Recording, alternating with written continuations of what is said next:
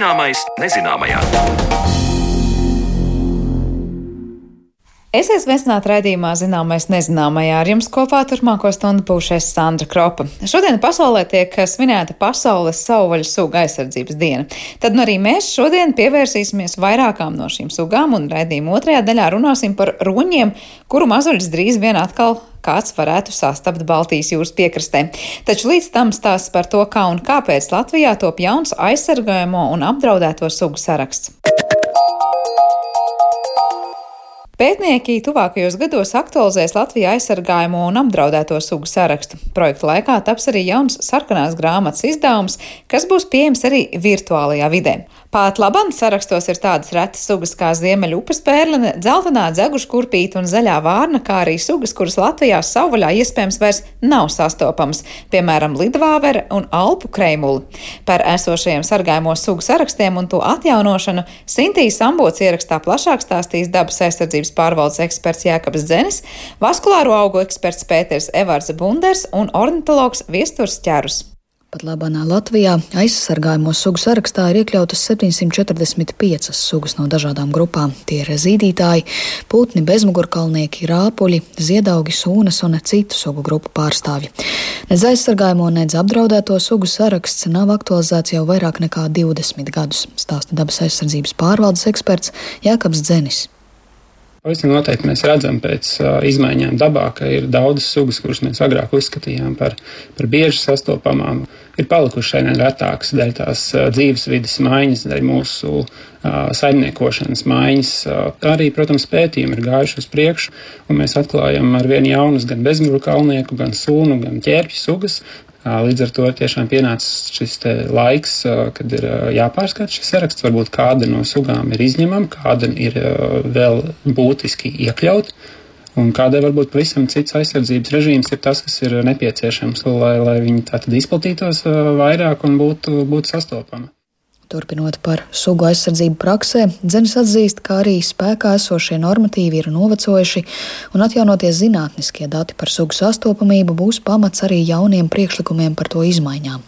Protams, ir sugas jau šobrīd sarakstā, kas nav konstatētas ļoti ilgi un ir uzskatāmas iespējams par izmirušām Latvijā. Tāpat lidvāveru zīdītāja gadījumā, tāpat alpu krēmulē augu gadījumā. Bet nu, vienlaikus ir līdzīgas situācijas arī tāda garlapu cefalantēra, arī ilgi nebija konstatēta Latvijā. Nu, tiksim, tā pēdējās desmitgadēs atklāta pāris vietās, un šādu sugu, kur arī uzskatīta iespējams par iz, izzudušu Latvijā, izņemt ārā no sarakstā, arī ir risks. Tā kā šeit būs liels ekspertu darbs un kompetento iestāžu vērtēt šos riskus un, un iespējas, kādas ir labākās. Par katru no apdraudētajām sugām projekta gaitā plānots veidot faktu lapas ar ieskatu tās bioloģijā, sastopamībā un apdraudējumos. Rezultātā taps arī jauns Latvijas sarkanās grāmatas izdevums, kas būs pieejams arī internetā. Iepriekš sarkanās grāmatas sējumi izdoti 90. un 2000. gadu mijā. Šajā sarkanā grāmatā ir ietvertas 319 vaskulāro augu sugas ļoti liels apjoms. Ja ņem vērā, ka Latvijas flora pavisam ir tikai 2000 augu sugas. E, ja salīdzinām ar kaimiņiem, ar Igauniem, ar Lietuviešiem un Baltkrieviem, tad tas ir nu, vairāk kā uz pusi vairāk. Varētu šķist, ka viss ir kārtībā, ka ir e, liels izpētes līmenis, ka viss ir labi, bet e, nu, būsim realisti. Pagājuši 25 gadi, un nu, zinātnē nav stāvējis uz vietas ļoti daudz kas no šīs e, vecās sarkanās grāmatas vairs nu, nu, nav gluži tā, kā tur rakstīts. Nebija interneta, nebija Google, nebija tik plaši pieejamas publikācijas, nebija tik plaši pieejama literatūra. E, cilvēki uz to mirkli izdarīja labāko, ko viņi varēja izdarīt. Tas ir projekta vaskulāro augu eksperts, Daugopils Universitātes pētnieks Pēters Severts Bunders. Viņš turpina, ka novecojušajā sarkanās grāmatas izdevumā augu sadaļā ir 16 nultās kategorijas sugas, kas nozīmē, ka tās ir izmirušas valstī. Tie ir taksoni, kas ir izmiruši valstī. No tām 16 sugām, kādas 10 arī paliks, vai, vai, vai 8 paliks, jā, nu, kas ir tiešām izzudušas. Jā.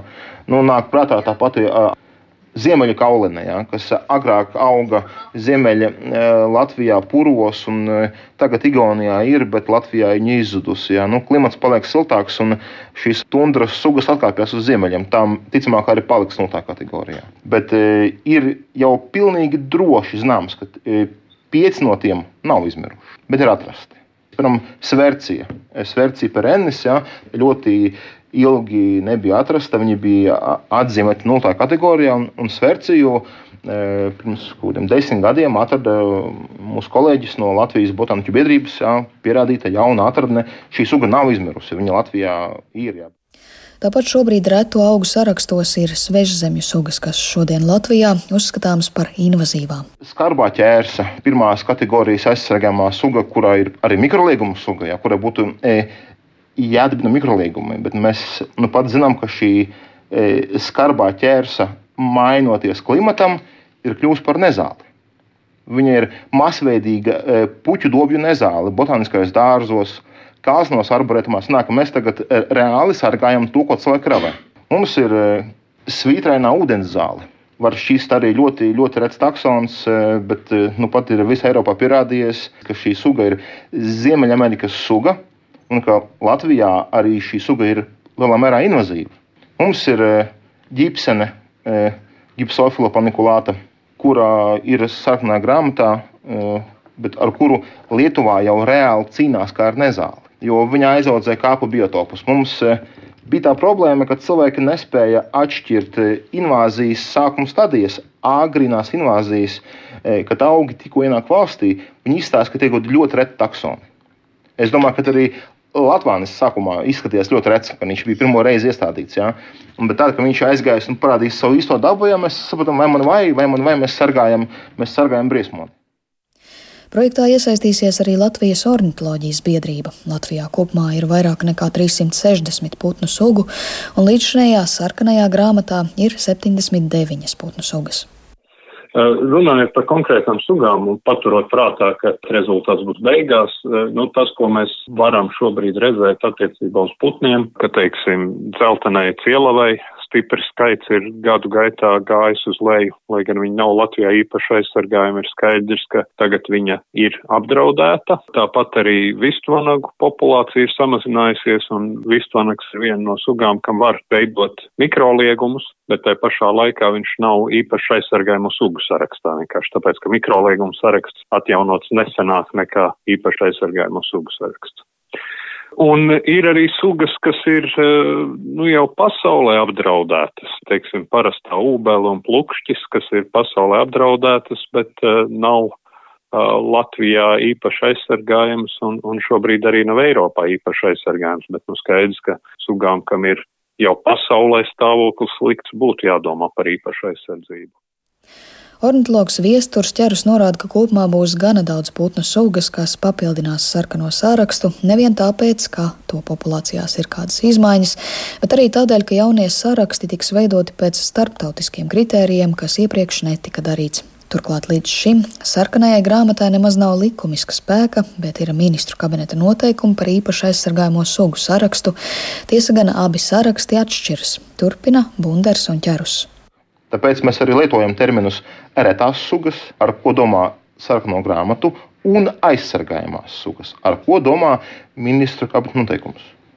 Gribētos cerēt, ka šī lielā darba rezultātā e, mēs spēsim nonākt pie situācijas, ka šie MK noteikumi un e, sarkanā grāmata būs identiski. Ka nebūs tāda galva, galva jaucoša putra. Tas jau viss cilvēkiem ir iegājis asinīs, ka sarkanā grāmata tās ir kaut kādas īpašās sugas, tās ir īpaši audzējamās, un, un tad, kad tā sarkanā grāmata ir veca, tad varbūt tā rada arī maldinošu priekšstatu par to, kas tad šobrīd būs īpaši audzējams, un galvenie produkti būs tie saraksti, bet tai pašā laikā būs arī apkopojums par pasākumiem, kas būtu darāmi, lai tām sugām klājas labāk, un es domāju, tas būs ļoti svarīgi arī sabiedrībai, lai saprastu arī, kā pašiem savās ikdienas rīcībās palīdzēt palīdzēt tām sugām, pat ir apdraudētas. Aizsargājumu un reto sugu sarakstu atjaunošanas projektu plānots īstenot līdz 2024. gada nogalē. Daļu datu eksperti apkopos no dažādiem pēdējo gadu pētījumiem, kā arī veiks papildu lauka darbus, lai pārliecinātos par atsevišķu sugu atradņu stāvokli dabā. Par Latvijā aizsargājumu un apdraudēto sugu sarakstiem un to atjaunošanas plāniem stāstīja ornitologs Viesturs Čerus, Daugopils universitātes pētnieks Pēters Evards Bunders un dabas aizsardzības pārvaldes eksperts Jēkabs Dzenis. Bet raidījuma turpinājumā mēs pievērsīsimies roņiem un ar to aizsardzības saistītiem jautājumiem.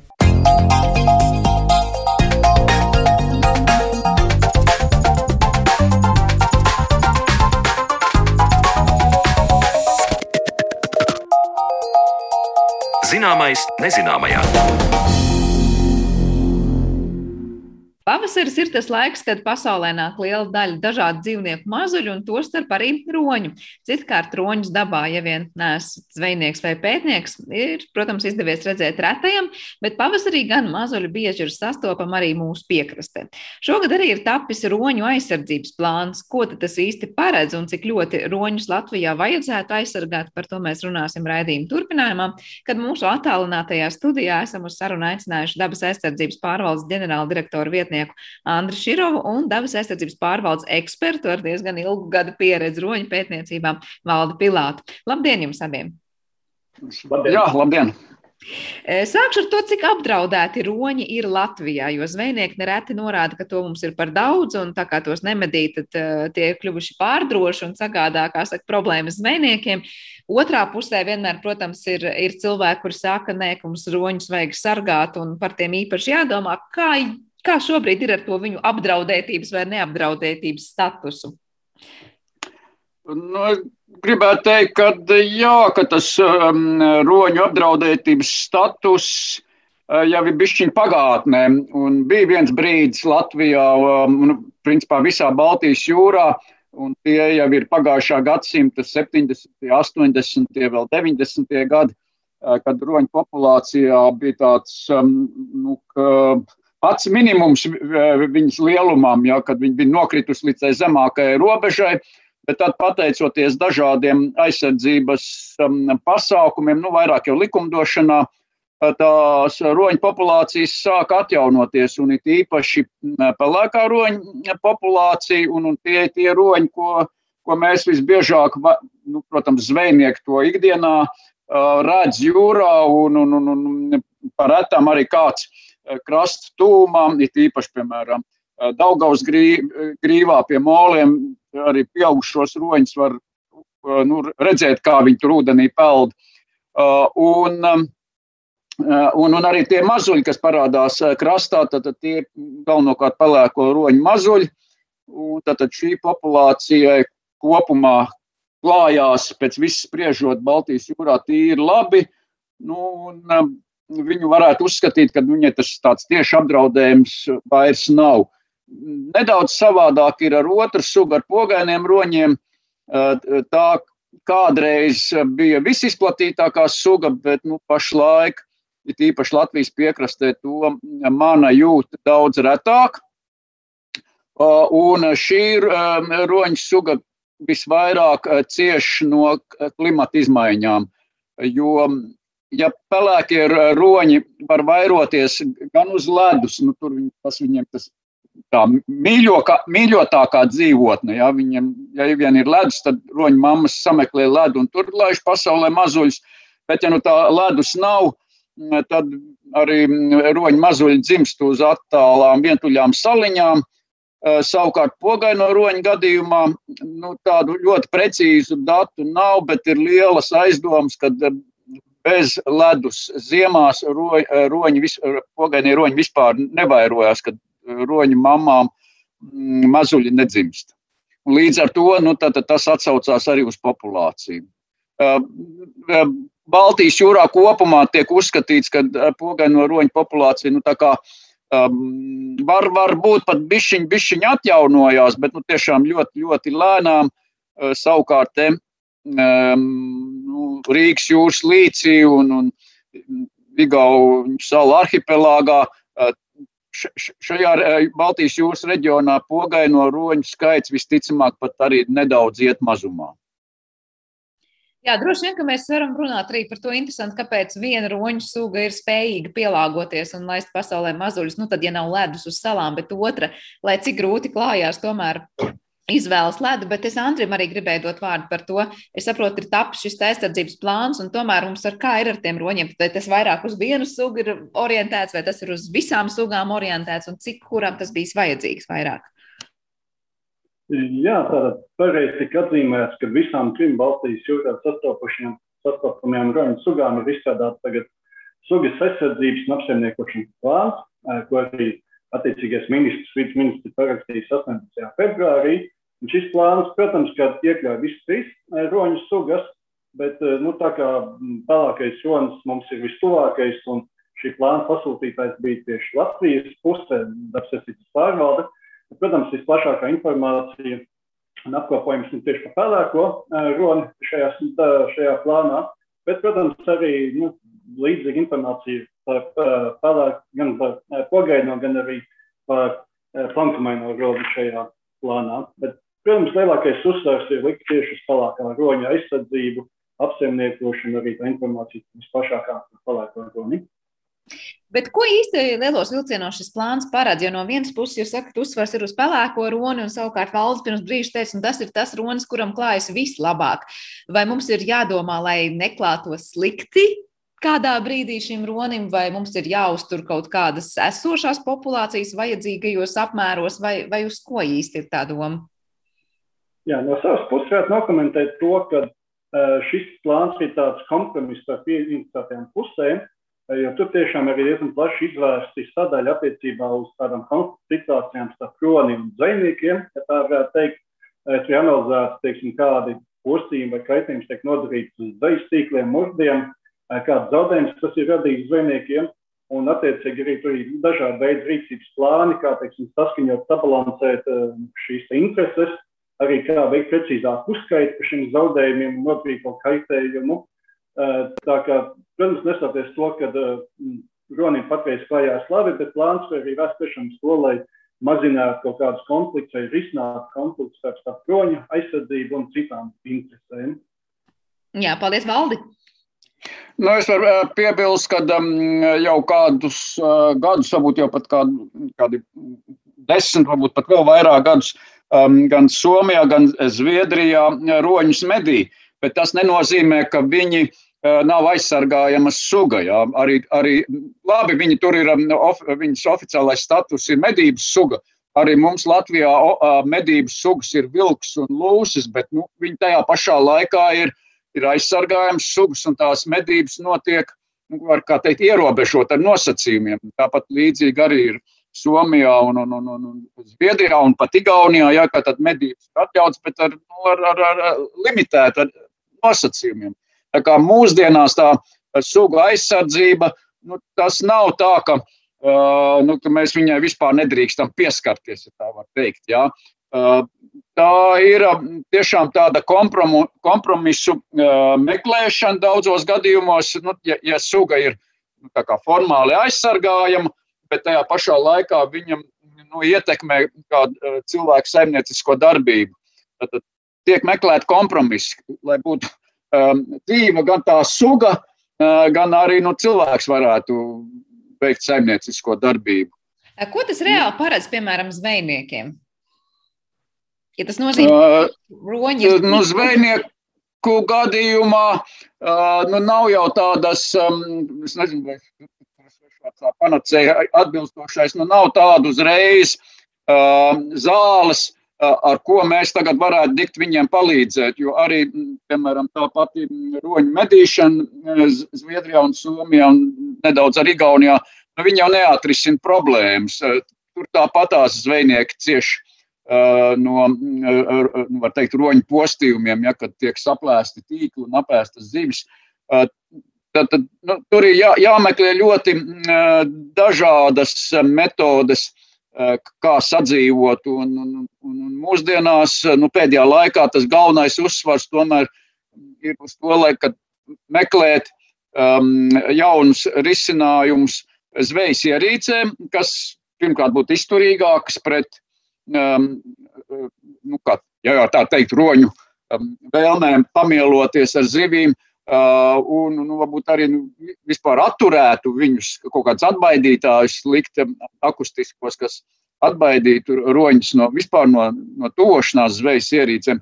Nu, nu, tiek meklēti dažādi risinājumi, bet, um, nu, ja, ja kaut kur jau būtu atrasts kāds ļoti, ļoti labs risinājums, tad tas plānā būtu jau iestrādāts, bet nu, pagaidām tas plāns ir tā kā tādas vadlīnijas, kurā virzienā uh, um, vajadzētu domāt, kur um, nu, jātaisa eksperimenti un tā tālāk.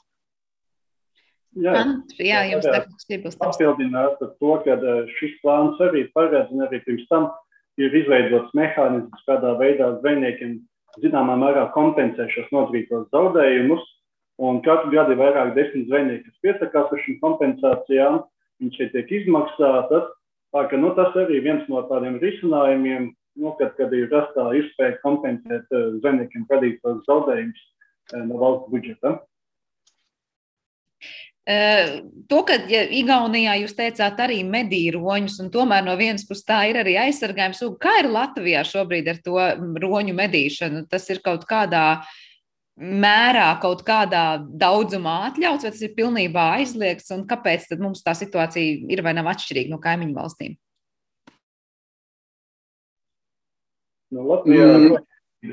nav atļauts tas, lai gan diskusijas tik pa laikam uzvirmo, un vēlme droši vien no zvejniekiem arī varbūt, no citām iedzīvotāju grupām būtu uh, medīt šos roņus, bet nē, patreiz Latvijā tas nav atļauts. Nu, es tikai gribu piebilst, ka uh, Latvijā uh, roņi nav uh, medību suga, jā, nav medījamā suga. Tātad viņas status nu, neatbilst uh, Eh, tam, lai viņus eh, varētu sākt medīt. Um, tas, protams, neizslēdz iespēju, nu, kā teikt, eh, viņus ar, ar, ar, ar, ar zināmiem nosacījumiem kādu roni iegūt. Bet nu, tā tīri oficiāli tas juridiskais status ir tāds, ka nu, medīt viņus nedrīkst. Bet kāpēc kaimiņu valsts iet citu ceļu? Viņi cer, ka tas uzlabos to situāciju, bet jūs pirms brīža teicāt, ka nu, medības nav risinājums. Nē, nē, nu, tur ir vienkārši um, tā, um, kā lai to saka, vēsturiski izveidojies jau, uh, kad uh, it īpaši mm, Somijā, uh, nu, protams, arī Zviedrijā, kad roņi ir bijuši medību dzīvnieki. Viņas, viņ, senatnē viņas tur ir medījuši, viņam, nu, kā teikt, no laika gala, nu, līdzīgi kā pie mums medīja meža cūkstā, tur kā arī no sena laika ir medīti roņi, un tās ir medību tradīcijas. Viņiem nekas nav bijis, jā, uz vienu brīdi bija aizliegtas medības, bet acīm redzot, viņi nekad nav bijuši izņemti no tā saucamā medību dzīvnieku saraksta. Tad viņiem tas status ir bijis, ka viņi ir medījama suga. Es tā precīzi neatceros par Igauniju, bet nu, arī Igaunijā ir senas medību tradīcijas. Un, un, un, un es domāju, ka tā medību atļaušana ir arī zināmā mērā nu, atļaut turpināt senās tradīcijas. Un, jā, un, un, nu, tas, tas varbūt ir tāds uh, psiholoģisks um, uh, vēlme tādu panākt psiholoģisku uh, efektu. Jā, ja, ja, ja zvejniekam ir, ir, ir iespēja medīt roni un viņš var kādu roni nošaut, nu, tad viņš var tā zināmā mērā izlādēt savas dusmas par nodarītajiem kaitējumiem. Eh, kas ir tas iemesls, kāpēc roņi ir kļuvuši tik drosmīgi un tik ļoti tuvojas šiem zvejas tīkliem, vai atkal nu, ir tik ļoti tiešām kļuvuši par apgrūtinājumu zvejniekiem? Kāpēc viņi nebaidās vai neizvairās paši no šiem tīkliem? Nu, es gribētu teikt, tā, ka acīm redzot, tā medību intensitāte senāk, un tas um, ir skaidri zināms, ka uh, viens no cēloņiem, kāpēc roņu populācijas uh, ļoti strauji samazinājās, uh, tās ir medības. Un, piemēram, arī saucamās, pirmās neatkarīgās Latvijas laikā, tad, tie iet pagājušā gadsimta 20. un 30. gadiem, arī Latvijā par nomedītiem roņiem pat maksāja prēmijas. Tad, tad, nu, roņi savā ziņā bija nu, tādā nosacītā stresā. Nu, viņi, pat, viņi bija Viņi baidījās no cilvēka, jo, ja tu nebaidīsies no cilvēka, tad skaidrs tevi nošaus. Ja? Līdz ar to nu, tā roņu uzvedība ir mainījusies. Nu, es pats atceros, ka tie arī bija kādi pagājušā gadsimta 80. gadi, kad, kad mēs bijām ar kopu. Nu, Latvija un Igaunija bija viena valsts. Ja? Es braucu uz Igaunijas salām, meklēju tos roņus. Un jā, kaut kādas vairākas diennakts dzīvojot uz nelielas uh, neapdzīvotas saliņas. Nu, tur bez maniem vēl tikai tad, tad arī roņi dzīvoja, jā, un nu, labi, kājas. Pietika kaut kur garām motor, zvejnieku motorlaivai, nu vienkārši tā, kaut kur varbūt pat kilometru, puskilometru attālumā nobraukt garām motorlaivai, kad visi roņi, kas gulēja uz akmeņiem, viņi ātri savēlās ūdenī un aizpeldēja projām. Nu, nepagāja tur varbūt pat 10, 20 gadi. Eh, kad eh, parādījās fotografijas, kā zvejnieki fotografē, viņi brauc eh, pie saviem murtiem vai tīkliem, un visapkārt laivā ir roņu galvas, kas ziņkārīgi noskatās. Bet kur ir tas iemesls, kāpēc no tāda bailīga roņa ir kļuvuši par ziņkārīgu? Nē, nē, nu, viņi pēc būtības ir ziņkārīgi dzīvnieki, un, un, un, un tā kā viņi jūt, ka neviens uz viņiem nešauj, nu, viņiem nav tādas pieredzes vispār, nu, tad tie jau ir jau cita roņu paudze. Ja, tad, tad tie ir ronēni, kas piedzimuši pirms pieciem, desmit gadiem, kad roņu medības, nu arī Igaunijā vēl tad, man liekas, nebija kāds desmit gadus atpakaļ. Nu, tad viņi nezina, kas vispār medības ir. Un, un, un jā, nu, viņiem ir pazudusi šī baiļu sajūta. Un, acīm redzot, arī tās ierobežotās medības, kas notiek Somijā un Zviedrijā, nu, viņi nerada tādu um, nu, roņiem visai populācija uh, bailes no cilvēka. Um, un, ne, nu, protams, arī es domāju, ka ir arī otrs um, moments, kad uh, zivju resursu Baltijā, Baltijas jūrā nu, tomēr kļūst mazāk. Uh, tātad konkurence um, starp cilvēku un roņiem palielinās. Un, un, un, nu, jā, nu, tas arī veicina to, ka uh, nu, šī konkurence izpaužās kā konflikti. Tā kā viens no iemesliem vienkārši zivju kļūst mazāk un, un ēdāji un kārotāji kļūst vairāk līdz ar to. Andri, vai jums būs kas komentējums par tiem piesauktajiem atbaidītājiem tur zvejas rīkos, cik daudz tie spēj dot savu labumu un pasargāt nu, roņus no, no bojājas vai, piemēram, arī zvejnieks no tā, ka tas loms tiek iz, izbojāts? Nu, jā, jāsaka, ka, protams, dažādas metodas tiek izmēģinātas, bet nu, neviena nav izrādījusies tāda ļoti piemērota un, un ļoti efektīva. Gan arī mainot materiālu, tīkliem, stāvadiem, možģiem un, un, un citiem zvejas rīkiem. Tā kā es domāju, tur, tur tiešām ir vēl tāds ceļš ejams un tādā eksperimentu veidā to šim mēģināt dažādus šos te e, līdzekļus. Bet, jā, nu, protams, ka jāņem arī vērā to, ka, lai gan nu, Ronas jūrā ir veikls spēlētājs, tomēr jau arī viņam ir savs slinkuma pakāpe droši vien, un tad ir iespēja iegūt šos zivis jau, jau koncentrētas pie, pie murdiem vai pie tīkliem, tad, protams, Romas to izmantos. Un, uh, droši vien arī tā nesaskaņa ar roņiem mums ir tāpēc, ka mums cilvēkiem un roņiem garšo viens tās pašas zivis, tās divas, ko rūpnieciski iegūst jūrā, ir sevišķi reņģis un noteikti mēnesis gan tik mazāk. Tās garšo gan mums, gan viņiem. Līdz ar to mēs, mēs tiešām ļoti konkurējam par šiem zivju ceļojumiem, un tādēļ arī šīm tās konflikts situācijas rodās, un, un daudz droši vien ir noteikti ceļš ejams un meklējam dažādi alternatīvas veidi, kā, kā atbaidīt un efektīvāk atbaidīt vai, vai nosargāt šos zivs lomas no, no roņu iedarbības. Tagad, kad šis roņa aizsardzības plāns ir parakstīts un izstrādāts, kā jūs paredzat, vai kaut kas būtiski mainīsies tajā, ko kāds drīkstēs, nedrīkstēs darīt, vai kā šos konfliktus mazināt, vai, vai tiešām to kompromisu, kā jūs teicāt, ir izdevies atrast? Ko tas reāli dzīvē nozīmēs, kādas pārmaiņas? Vai tas, kā ir bijis līdz šim, ir bijis atšķirīgi? Jā, nu, es domāju, ka pašā plāna izstrādes laikā jau bija notika dažādi šīs te, diskusijas un sanāksmes ar interesētiem pusēm, tā skaitā zvejniekiem. Un, protams, tur jau tika šīs situācijas apskatītas un parādītas no abām pusēm, gan no aizsardzības viedokļa, gan arī no šiem kaitējuma viedokļa, ko roņi nodara. Uh, bet uh, tas, teiksim, ir dažādi, nu, sugas plānam ir vairāk pielikumi, un to tiešām arī atsevišķi padēs tieši par šo ietekmi uz zvejas uh, resursiem. Bet es pieļauju, ka tā ir tā diskusija, kas ir iesākusies. Šis plāns satur ļoti daudz pētījumus un atsaucas uz pētījumiem, kas droši vien būtu jāturpina. Ne tikai Latvijas, bet Baltijas monēta arī visas šīs te, Baltijas jūras reģiona mērogā.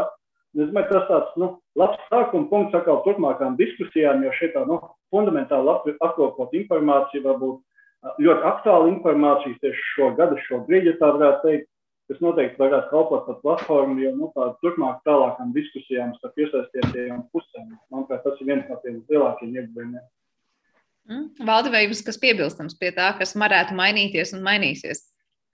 Nu, es domāju, ka tā momentā nekas jau dikti nemainīsies, um, jo jau es teicu, ka nu, tādas um, uh, uh, absolūtas zāles šai problēmai joprojām nekur pasaulē nav atrastas.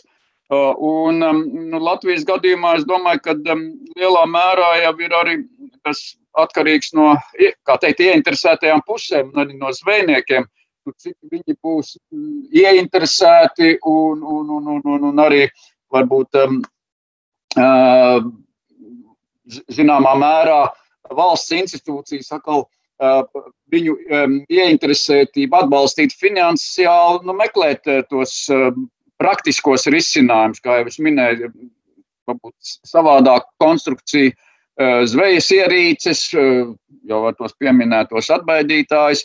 Nu, tā, tā pieeja nu, ir jābūt eh, teikt, kompleksai. Jā. Jūs pirms brīža sarunas sākumā teicāt, ka bija laiks, kad ar aizsardzības pasākumiem izdevās tiešām atjaunot populācijas roņu. Kas bija tolaik tas citādāks kaut kas tajos aizsardzības pasākumos no tā, kas šobrīd ir paredzēts roņu aizsardzībā? Nu, Tobrīd e, bija jā, ka tās roņu populācijas bija mm, savā minimumā, un e, tas sakrīt ar to laiku, kad es sāku interesēties par roņiem. Uh, un es devos arī pie uh, zvejniekiem Latvijas piekrastē. Tad nu, bieži vien man atbildēja, ka nu, nē, mēs te jau sen, sen nevienu roni neesam redzējuši. Tā kā eh, ronis tajos 80. Mm, gados, nu, tas bija kaut kas tāds, var teikt, reta parādība. Nu, skaidrs, ka, ja roņu nav, tad, tad arī problēmu nav. Un, um, uh, nu, tur bija tādas divas um, galvenās lietas, kas palīdzēja atjaunoties, kad aizliedz medības um, Ziemeļu valstīs, Somijā, Zviedrijā, plus roņi ļoti cieta un iespējams, ka joprojām cieši no vidas piesārņojuma. Un tika izpētīts, ka um, tie ir chlora organiskie savienojumi, uh, kas rada uh, roņiem uh, nu, patoloģiskas izmaiņas reproduktīvajā sistēmā, kad mātītes nav spējīgas dot pēcnācējus. Nu, tad, protams, tika arī nu, kaut vai tas pats slavenais DDT, tad ir tāda po, polihloru bifenili, nu, kas vienkārši, kuru izmantošana te Baltijas jūras reģionā nu, tika aizliegta. Un tas vidas stāvoklis uzlabojās, un, un tas, protams, palīdz pop, roņu populācijām atjaunoties. Vai tas, kas šobrīd roņu mums ir vairāk, liek domāt, ka arī ar to vidas stāvokļa piesārņojumu tajā kontekstā mums nav tik traki, vai, vai kas ir no tiem vidas apstākļiem, kas ietekmē šobrīd roņus visvairāk? Nu, uz šo jautājumu es tā ļoti precīzi nemācēšu atbildēt, jo nu, tā ļoti neesmu um, sekojis līdzi, kas notiek uh, pēdējos gados um, tieši pētniecībā attiecībā uz, uz, uz, uz dažādu Mm, ķīmisku savienojumu izmantošanu, un pēc tam, ka viņi, viņas arī atrod vidē, ir skaidrs tas, ka nu, tās vielas, kas tika aizliegts, nu, to koncentrācijas samazinās, un tas nu, arī atspoguļojas tajā roņu veselības stāvoklī. Bet nu, ir man liekas, kad bija Somijā, kur bija veikts pētījums par roņu zemādas eh, tauku slāņa biezumu. Ja? Un, un tad ir secināts, nu, ka ir, ir tendence, ka tas um, samazinās. Tas uh, nu, var liecināt, nu, ka nav roņi tādi, teikt, pie pavisam labas veselības. Uh, vai tas ir lūk, um, ka ir palielinājusies konkurence par zivju resursiem, vai tas tomēr ir kādas um, vides uh, nu, teikt, stāvokļa, ja piesārņojuma dēļ. Nu, to pagaidām neviens tā, nu, man vismaz nav nācies lasīt. Bet nu, katrā ziņā šī te, nu, tā, ķīmijas nozara nestāv uz vietas, tiek katru gadu nāk droši vien simtiem jaunu savienojumu apritē. Un, nu, tur tikai mēs varam zīmēt, kā tas nākotnē ietekmēs roņus. Jā, varbūt Andrim ir kas piebilstams. Es iedomājos par to, nu, tad lielākie no vides viedokļa draudi šobrīd vai tās ietekmes uz roņu populācijām ir jau piesauktais tātad ledus trūkums un arī zivju daudzuma samazināšanās. Kā jūs raksturot, nu, kas šobrīd roņus ietekmē visvairāk? Jā, nu, droši vien, ka tas jau ir, ko jūs minējāt, gan zivju resursu kopīgais samazinājums, gan arī tiešām šīs iespējams ar klimatu pārmaiņām saistītās izmaiņas, tas, kad ir daudz mazāk šīs ledus klāpās platības eh, līcī un, un, un jūrā, un kad arī, teiksim, šīs te, mm, jā, vairāk, nu, teiksim, zemdēšanas vietas, tā varētu teikt, eh, arī tur konkurence palielinās, jo tā salas um, Igaunijas pusē, protams, nav bezizmēra un, un bieži vien, teiksim, tā, tā pulcēšanās un koncentrēšanās bezledus periodos, bezledus sezonās ļoti ievērojama. Un, un, un arī e, no, no valdes droši vien varētu apstiprināt, ka tur arī tādā lielā muģeklīna hausā bieži vien gadās tādas situācijas, ka mātes nozaudē savus mazuļus vai mazuļi nozaudē savus mātes. E, mātes tāpēc vien, ka ir milzīga koncentrācija roņiem un, un nereti arī tas izraisa mazo roņu bojāju, ka tāpēc vien, ka īsti nav tikuši pie savas mātes un, un, un pēduši. Uh, Ja, tā kā noteikti saistība ir arī šīm mm, izmaiņām Baltijas jūrā, kas ir tiešām saistīta ar šīm ledusklātajām platībām un to samazinājumu vēl ilgākā laika periodā. Tā, tas arī noteikti ir jauns izaicinājums, kas, kas noteikti uh, vēl būs uh, roņiem aktuāls. Un noteikti arī valda minētie jaunās ķīmiskās vielas, jaunie augaisardzības līdzekļi un jaunās, mm, jaunie elementi, kas ir nokļuvuši jūrā To ietekme uz roņiem droši vien vēl nav pētīta, ne tikai uz roņiem, iespējams, arī uz citiem uh, jūras resursiem. Tā kā es domāju, tā, tā uh, jautājums par roņu tādu pilnīgi labvēlīgu aizsardzību noteikti būs aktuāls, skatoties no citiem skatu punktiem. Jā, man tāds aktuāls jautājums, protams, mēs skatāmies, tuvojas tas laiks, kad atkal piekrastē varēsim redzēt kādus ronēnus un roņus.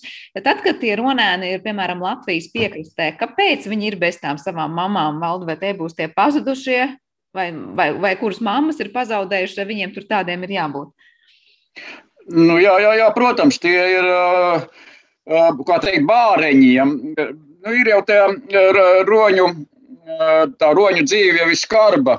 Jo, principā, pat arī normālos apstākļos uh, roņu mammas mēne, kā, nu, jā, ronēn, kā ronēns sasniedz apmēram vienu mēnešu vecumu, viņš tiek pamests. Jā. Tad ro, roņu mammas viņus atstāja uh, sava likteņa vara, vaļā, varā.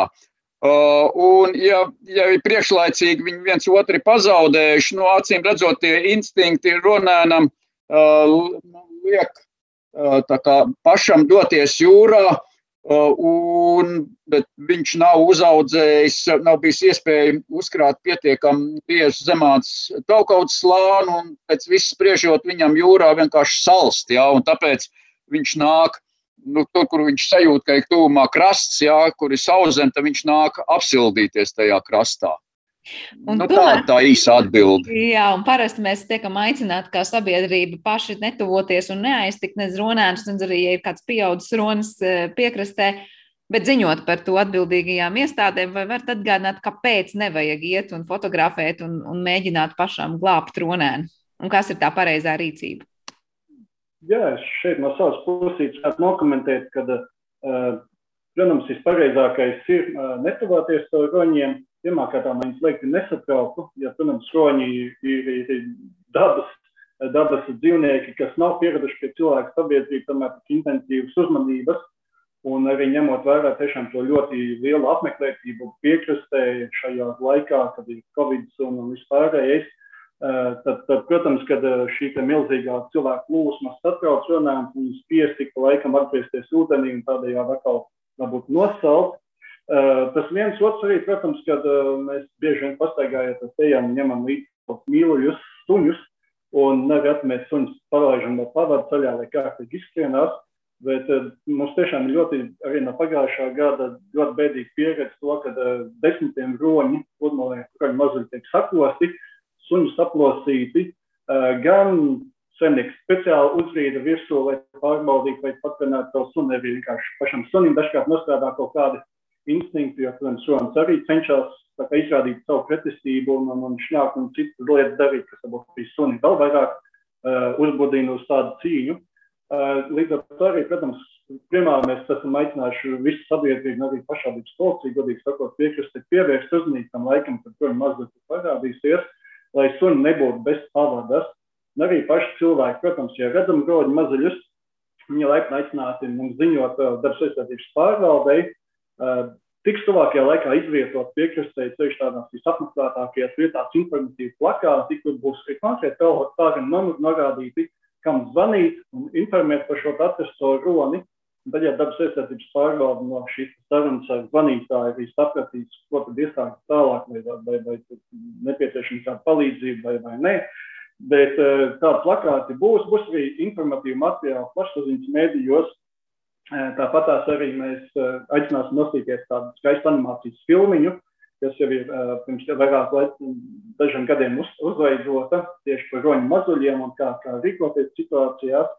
Līdz ar to mēs centīsimies nodrošināt no savas puses tādu plašu informāciju tieši uz šo brīdi, kad tie roņu mazuļi mums parādīsies, kā vislabāk rīkoties, kam ziņot, kam informēt un, un, un arī, protams, aicinām iesaistīties pašvaldības un tiešām nodrošināt šo kārtību, lai lai šīm dažām nedēļām, kad roņi mazliet likt astā, lai, tomēr tā suņu, suņu saigzināšana būtu pēc iespējas draudzīgāka un nebīstamāka roņiem. Jā, paldies par šo sarunu arī teikšu, un, protams, arī šiem te norādījumiem, kuriem, protams, tad, sekosim līdzi. Un, uh, es saprotu, šis laiks, aktīvais laiks, kad tie roņu mazuļi būs piekrastē, būs nu, salīdzinoši jau drīz. Ja? Jā, nu tā vajadzētu būt. Patiesībā jau, ja mēs pavērotu Igaunijā uzstādītās šīs uh, webkameras, tad mēs redzam, ka tur roņu mazuļi jau ir jau nākuši pasaulē, un roņu mammas uh, viņas aprūpē un gādā. Tas nozīmē, ka, protams, ja notiks kaut kāda uh, sakritība apstākļu, tad, tad šie runājumi pavisam drīz noteikti varētu parādīties. Iespējams, ka šās nedēļas nogalē mēs sastapsim pirmos roņu mazuļus piekrastē.